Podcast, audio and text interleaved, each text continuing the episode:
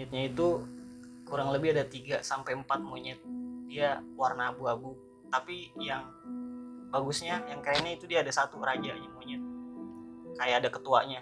Tapi sempat dengar kan ada pantangan. Kalau naik Gunung Arjuna nggak boleh pakai baju warna merah. Iya. Iya, di situ salah satu temen gua ada yang pakai jaket tapi warnanya merah. Seketika tuh kita pada keder semua, kita berhenti. Pas kita mau berhenti jalan, itu ada suara teriak, woi. Pas nengok kanan kiri itu emang gua ngeliat kayak rumah gede banget. Gua ngeliat di kanan itu ada gede banget hitam, dan dia tuh langsung, Fuck.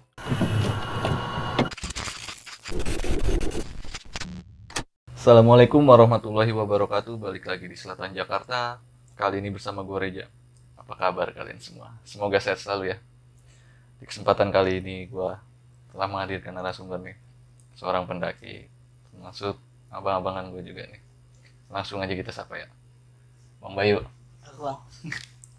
Apa kabar Bang? Alhamdulillah baik. Sibuk apa nih Bang? Akhir-akhir ini. Sekarang lagi masih kerja aja sama ngurus keluarga nih. Mantap.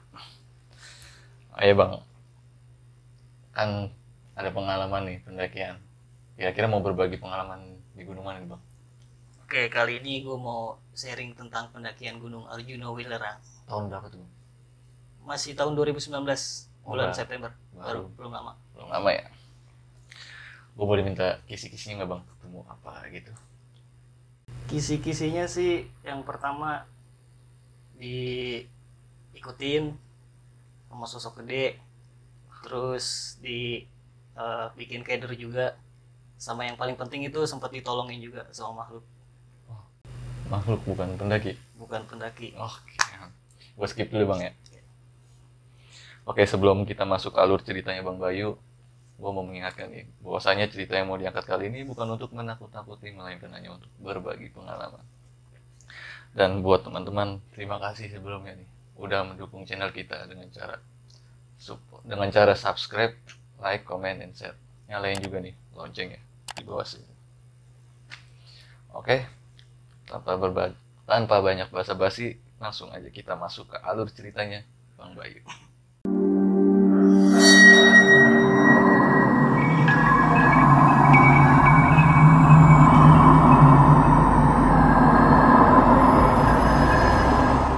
Ya jadi eh, gue itu dari Jakarta berangkat berenam itu hari Senin tanggal 9 September 2019 kita naik kereta malam nih. Dari stasiun Senen sampai di Malang. Itu pagi. Sorry Bang, itu lu berenam laki semua. berenam lagi semua. Sampai Malang kita makan dulu di warungnya Bu Nur namanya. Itu ada yang di depan taman tuh sebelah kiri kalau tahu. Oke, gitu. di situ pas lagi kita makan kita ketemu langsung sama Bu Nurnya. Bu Nurnya itu nanya nih kalian mau ke mana? Mau ke Semeru ya? Kata dia gitu terus kita bilang enggak bu mau ke Arjuno ngapain ke Arjuno Semeru aja kata dia gitu. Emang kenapa di Arjuno nggak apa-apa sih kata dia gitu. Tapi lebih bagus ke Semeru kata dia. Kita bilang sama anak-anak emang dari rumah tuh udah niat mau ke Arjuno oh ya udah kalau emang udah niat mau ke sana banyakin salawat aja. Dia ngomong kayak gitu dari awal. Nih awalnya. ya udah dipesenin. Terus selesai kita makan di sana kita nyewa angkot kita kita charter angkot tuh langsung ke Tertes. Oh, langsung ke base campnya kita berarti. langsung ke base camp base camp Tertes.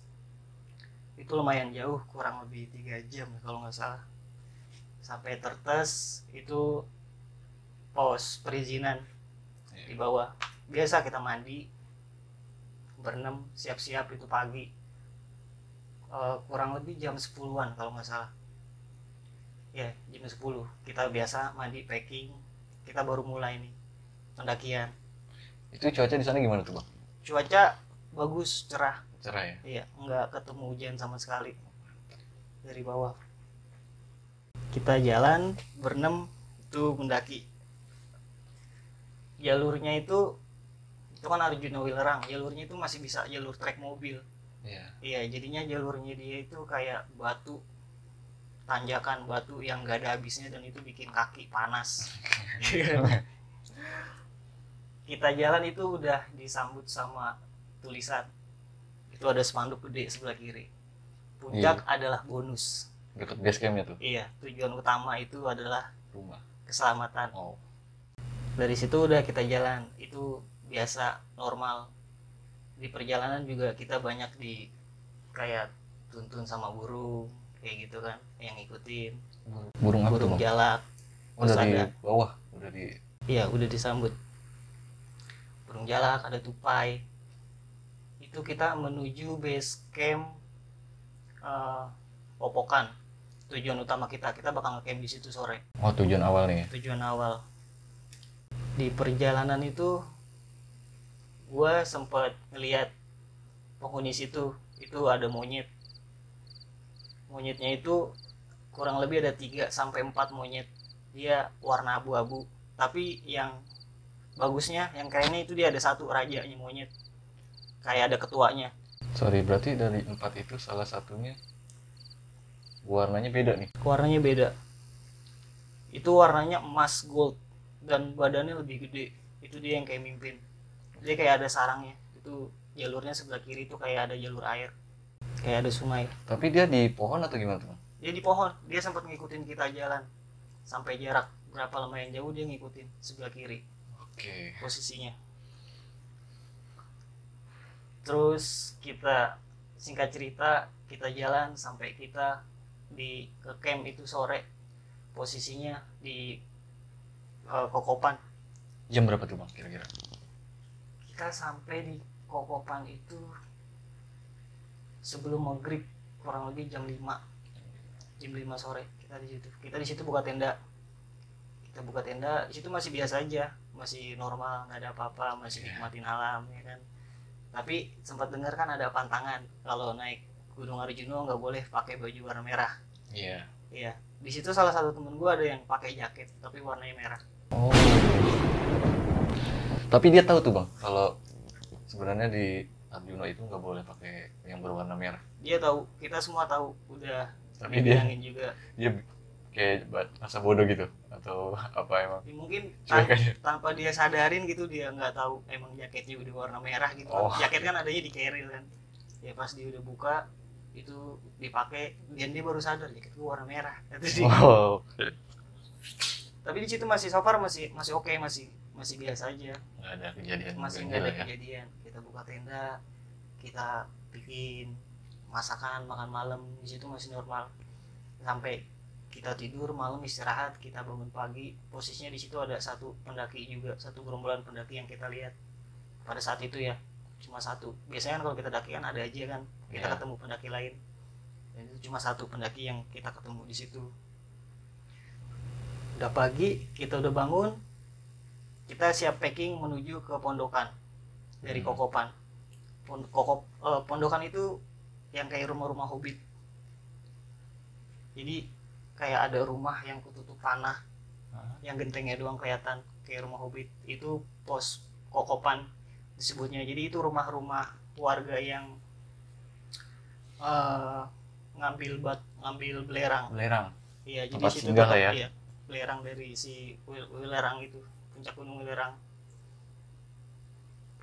Kita jalan pagi jam 9-an udah selesai, kita menuju ke eh, Kokopan. Di situ pun masih biasa.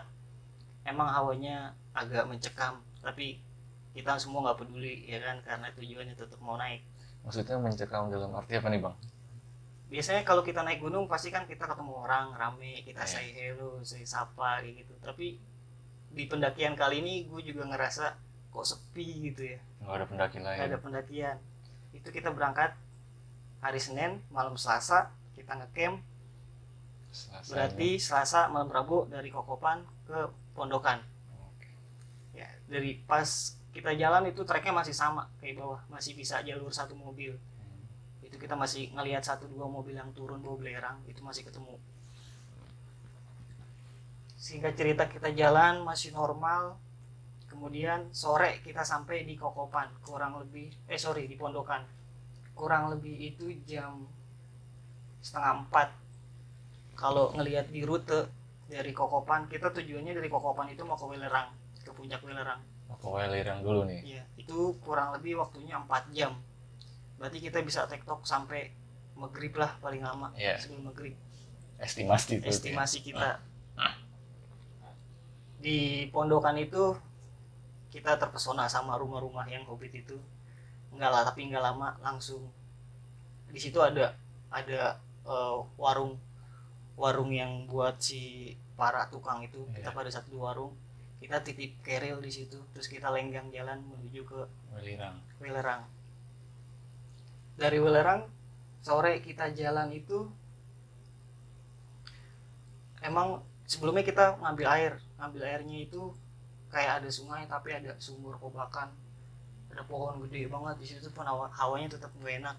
Tapi kita masih cuek, masih biasa masa aja. bodoh lah ya. Iya masih masih masa bodoh.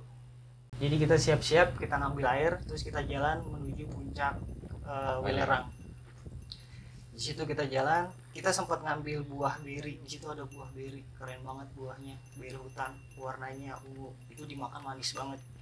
Kita sempat ngambil, terus kita jalan sampai waktu sebelum maghrib itu kita sampai udah mau deket puncak. Tapi entah mengapa di persimpangan jalan tuh kita sempat bingung ini mau ambil jalur kanan apa jalur kiri? Berarti ada pecahan. lah. ada pecahan. Kalau kita lihat di peta jalur kanan itu jalur lama jalur kiri itu jalur baru. Akhirnya kita coba jalur kiri.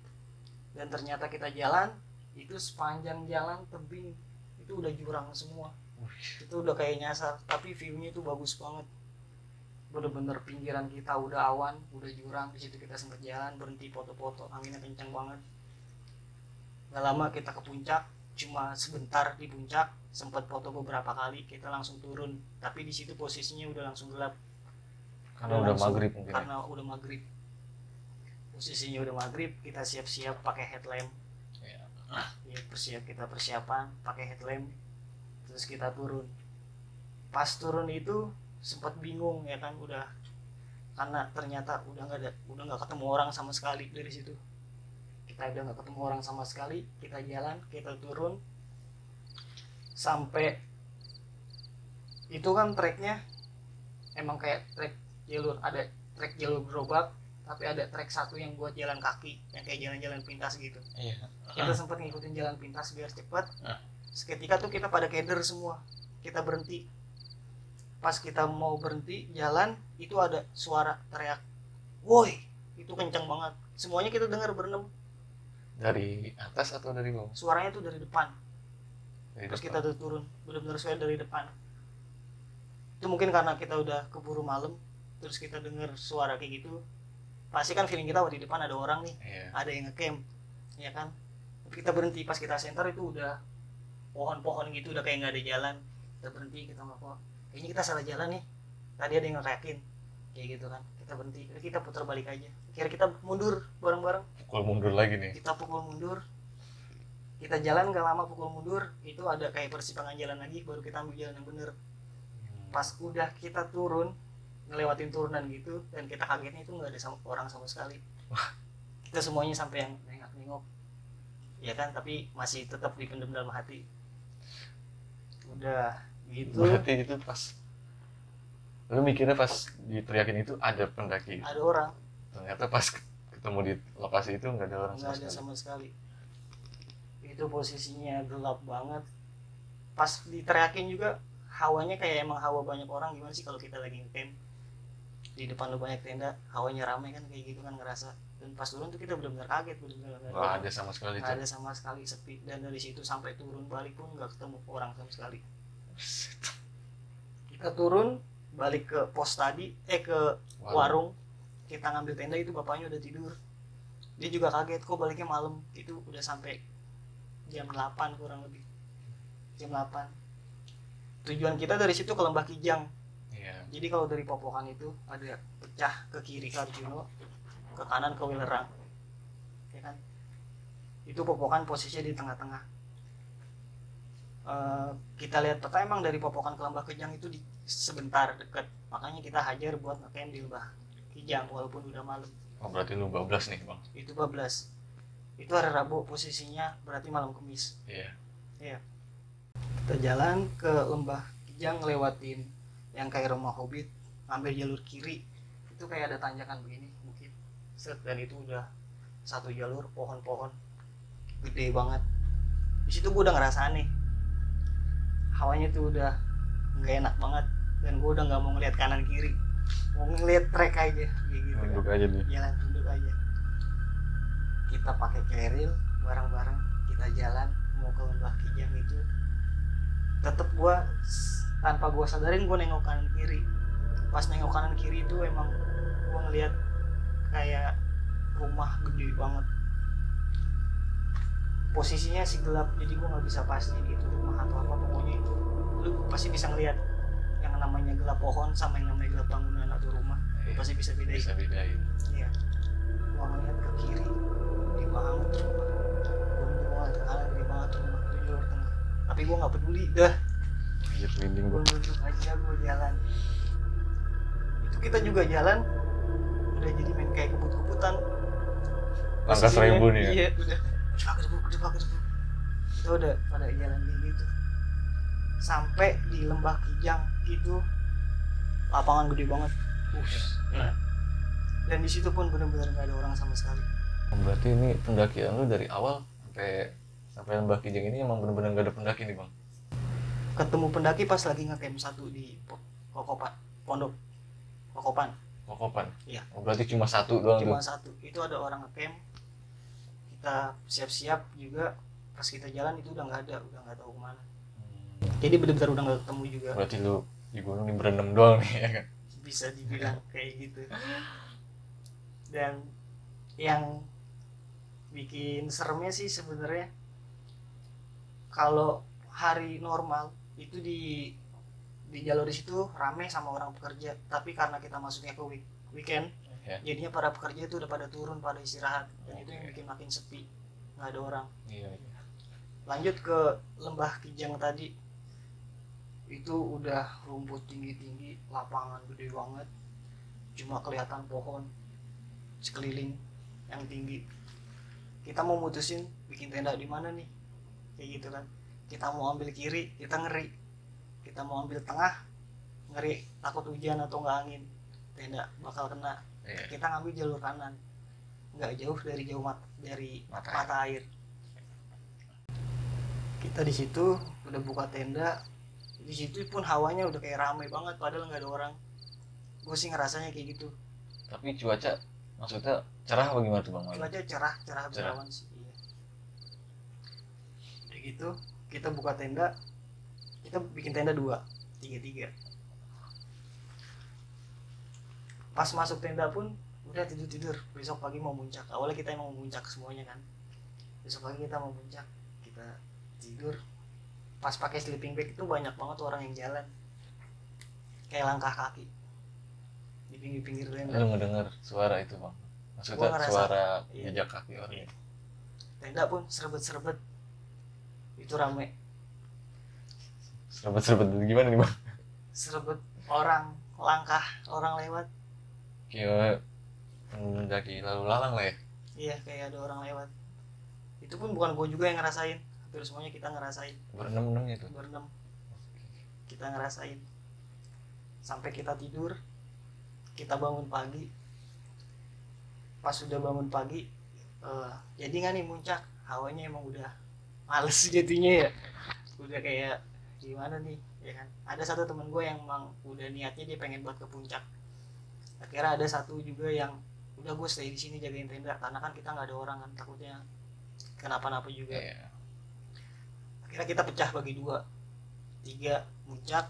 Tiga stay. Tiga stay di tenda. Dan gua salah satu yang stay di tenda. Oh berarti lu nggak muncak nih? Gua nggak ikut muncak. Karena emang hawanya juga gua udah nggak mau maksain juga sih.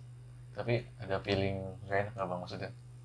Feeling lu entah, entah ngeri terjadi sesuatu di perjalanan lu muncak atau enggak? Ada feeling nggak faktornya juga sih kayak gitu yang bikin gua nggak muncak. Oh, berarti emang dari awal udah ada feeling nih. Tapi karena tiga emang yang masih kuat niatnya mau muncak jadi ya mereka jalan muncak. Jadi gua di situ nungguin di tenda bertiga. Eh, biasa gua bikin kopi segala macem. Di situ unik ada satu burung yang selalu nyamperin jadi kayak burung jalak hitam Gua ngopi ngerokok dia ada di depan dia nggak kabur tetep. Nah, gue pergi dia main lagi ke situ. Biasanya kan kalau burung takut orang ya. Iya. Ini enggak. Dan gua pas di bawah cerita-cerita ternyata di samping yang burung itu tempat gua tenda itu ada patilasan. Oh berat tapi sebelumnya lu tahu tuh bang kalau Enggak. gua nggak tahu kalau itu ada patilasan. Tapi burung jalak kayak ini dia maksudnya diem diem doang apa gimana? dia cuma dia cuma main tapi dia nggak pergi jauh. Oh, dia di situ aja. Biasanya kan burung takut ya? Biasanya burung takut. Sekitar sampai siang tiga orang teman gue itu turun. Udah dari puncak. Kita udah takut kesorean nih mau puncak itu kan hari kamis. Iya. karena kita punya tiket yang nggak bisa dibatalin kan buat balik ke Jakarta. Jadi kita ngejar waktu juga. Nah dari situ udah mulai makin aneh lagi nih menuju ke bawah.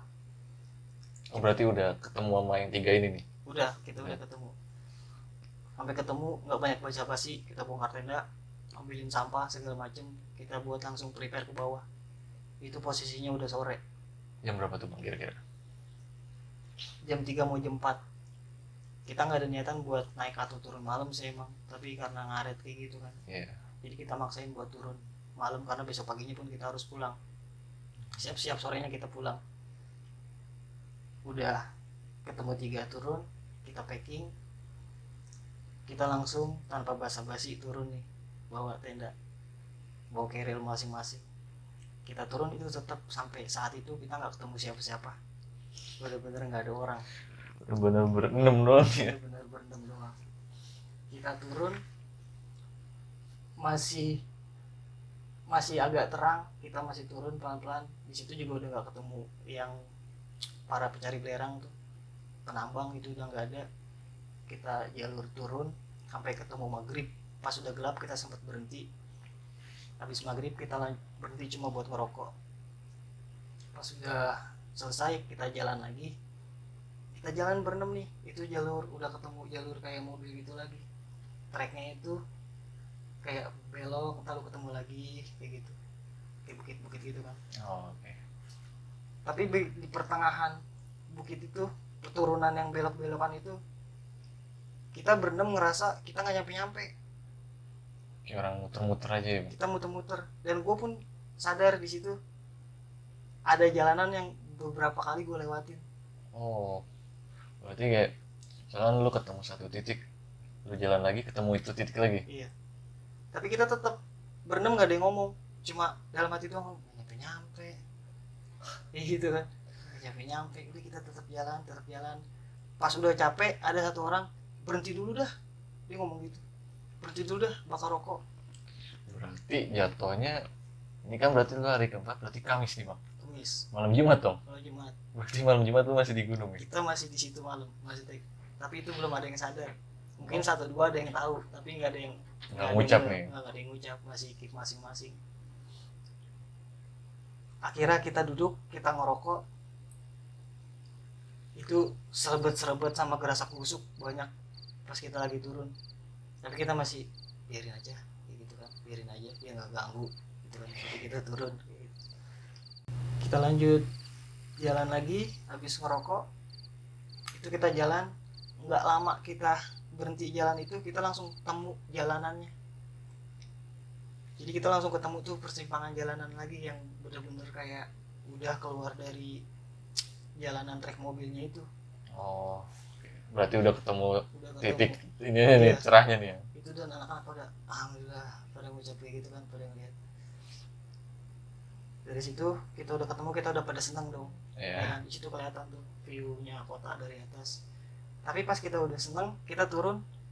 Tapi kok jauh lagi kayak nggak ngerasa ngerasa lagi. Oh, itu sempat kita ngerasain kayak gitu lagi. Udah mau sampai ke pos 1 di situ kan pos 1 kan harusnya ada yang jaga. Iya. Kita sampai pos 1 itu tetap di portal ternyata nggak ada orang. Itu, itu itu itu kita udah pada jalan cepet ke pos 1 niatnya biar kita ketemu orang. Tapi sampai pos 1 itu nyil nggak ada orang sama sekali juga. Berarti kan harusnya ada yang jaga nih. Harusnya ada yang jaga. Cuma nggak ada orang tuh posisi ada malam orang itu. lagi sama sekali. Dari pos 1 itu tujuan terakhir kita langsung ke eh, tempat perizinan base camp yang per- pertama. Tempat simaksi lah ya. ya tempat simaksi. Di situ kita mulai diganggu lagi tuh. Itu baru jelas tuh diganggunya itu dari situ kita udah jalan. Gua ngeliat di kanan itu ada gede banget hitam. Dan dia tuh langsung Vuk, itu bunyinya tuh bener-bener kayak bunyi bener-bener bunyi Vuk, aja dah jalan Itu posisi lewat dari samping ke depan atau gimana? Udah. jadi anak-anak turun sini dia ada di kanan langsung gitu. jadi sebelah kanan kita masih positif mikirnya takutnya babi hutan atau binatang apa kan ya kan itu babi kali itu babi kayak Tapi gitu. lu ngeliat sosoknya enggak nih bang? hitam gede jalan gede banget Jadi kayak bisa dibilang kayak semacam gendruwo gitu. Bisa dibilang. Itu kita masih tetap mikir positif ya kan? Terus kita jalan lagi. Ada satu orang temen gua tiba-tiba langsung ke kanan ya terus ditanya lu ngapain? Enggak nggak apa-apa katanya gitu. Oh ya udah kita jalan lagi nih ke bawah. Pas lagi kita perjalanan mau ke bawah itu benar-benar kayak ada yang ngikutin. Mungkin si yang lewat tadi itu. Semakin kayak ada yang ngikutin itu wangi banget tiba-tiba wangi sabun kalau gue gue nyium tapi gue masih diem gue masih Oke. simpen ada satu orang temen gue nggak tahu dia polos atau gimana ya dia teriak bobot sabun nih bobot sabun nih Oh, dia ngucap tuh. dia ngucap kayak gitu itu temen gue yang pakai baju merah itu Wah dia. Iya, dia ngucap bobot sabun nih dan untungnya kita nggak di ngaprokin alhamdulillahnya nggak ditemuin gitu jadi dia cuma kayak ngikutin gitu doang Terus ninggalin bau doang ya Iya, bang. dia ninggalin baunya itu bener-bener jelas banget di hidung banget baunya. Sampai kita jalan tujuan terakhir si tempat perizinan itu kirain kita pun ada orang. Pas kita Hmm. udah pada lari kita tuh terakhir itu bener-bener udah pada lari ke bawah. Kita lari ke bawah sampai tempat perizinan terakhir tetap nggak ada orang. Sepi tuh bang. sepi banget nggak ada orang. Itu di portal kita pada ngelangkahin portal.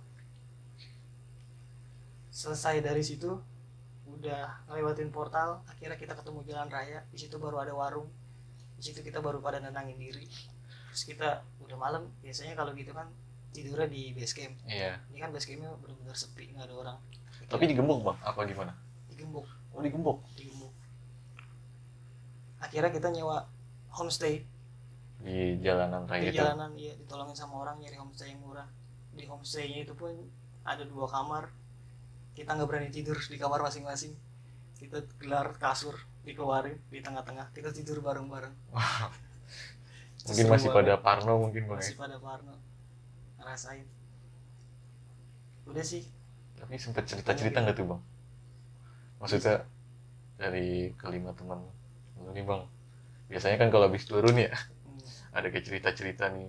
Eh gue tadi ngalamin ini nih.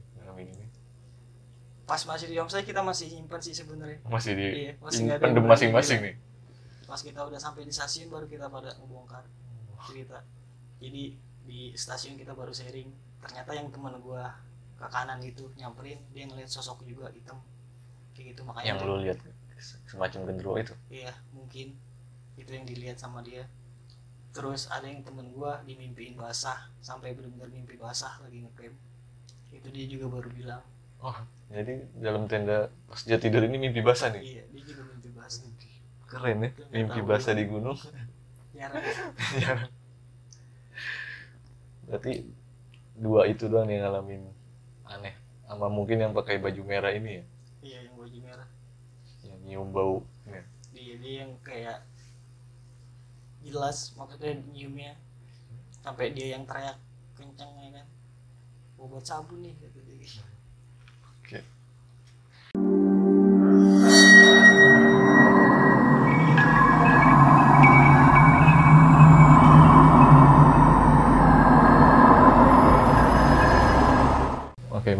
Yang mau gue tanya nih bang.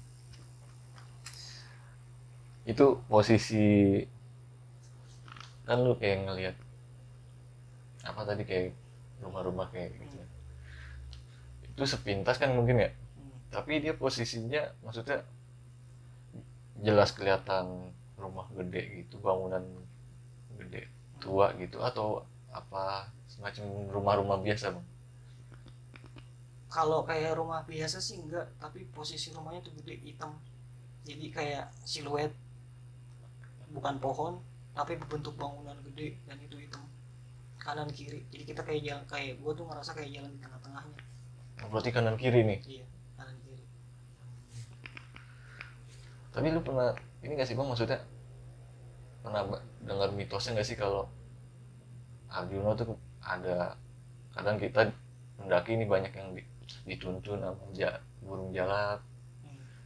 maksudnya lu sadar gak sih kalau sebenarnya mitos itu emang ada tuh gitu? Mitos itu ada sih. Pernah dengar sih yang kayak gitu. Tapi pas lagi saat itu ya karena tujuan gue cuma buat daki nggak mau ada yang aneh-aneh, ya. iya, jadi lepasin aja sih.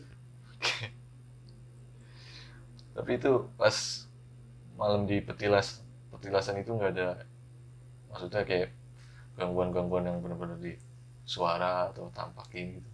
Kalau ditampakin suara enggak. Tapi kalau orang jalan kaki doang ya? iya kayak nyerebetin tenda itu ada.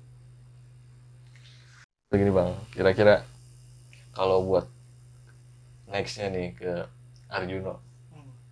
tertarik ya bang? Tertarik masih. Masih tertarik. Masih tertarik. Tapi pulang alhamdulillah nih bang. Maksudnya nggak ada kejadian-kejadian aneh nih dari keenam ini. Nggak ada. Sampai kita pulang semuanya alhamdulillah normal. Nggak ada yang aneh-aneh. Berarti nggak sempet kayak ngobrol sama penghuni penghuni base camp nih. Maksudnya kan biasanya kan ada ada aja nih yang di- ditanya kok baru turun malam? Iya. Atau ngerasain apa? gitu. Biasanya kan ada aja tuh. Berarti emang nih bener-bener nggak ada pendaki eh nggak ada penjaga base camp sama sekali. Nggak ada. Itu kita sempat bingung juga dari perizinan sama yang pos satu yang ngejaga itu kagak ada orang. Jadi biasanya kan kalau kita turun gunung kan pasti ada aja lah yang pasti ada yang ngecek ya kan. Ini ada pendaki berapa yang naik turun berapa itu kan pasti orang tahu. Iya. kita, kita pun bingung di situ. Benar nggak ada sampai kita pulang udah kayak kalau segitu aja. Itu kayak cuma emang di data naik tanggal segini ntar kita pulangnya segini oke bang ada pesan gak bang buat teman-teman nih teman-teman pendaki ya kalau pesan dari gua buat diri gua pribadi sama buat yang lainnya juga sih Iya. kita pergi ke mana pun tetap jaga sikap jaga adab kita harus kita mematuhi peraturan jangan menceng Iya. jangan jangan seenaknya kayak gitu karena sebenarnya yang susah itu bukan buat memulai tapi buat mempertahankan. Dan Wih. buat memperjaga buat menjaganya kayak gitu sih yang susah. tuh. Tuh. Itu kalau di TikTok masuk tuh bang. Trending lu bang. Oke. Mungkin itu aja ya bang ya cerita yang mau dibagi bang. Banyak sisi positifnya tuh dari pendakian bang Bayu kali ini. Tentang kekompakan tentang mitos juga ya bang ya. Mitos jaket warna-warna merah. Bisa diambil sisi baik dari perjalanan kan? Bang Bayu ini jadilah netizen netizen yang smart. Dan gue mau mengingatkan nih teman-teman. Buat teman-teman yang mempunyai pengalaman pendakian atau urban legend yang ingin jadi narasumber atau ingin berbagi ceritanya untuk dibawakan oleh tim kami bisa buat nih DM di Instagram Selatan Jakarta atau via email yang tertera di sini. Oke, mungkin dari gue itu aja ya. Gue undur diri bersama Bang Bayu. Iya. Assalamualaikum warahmatullahi wabarakatuh.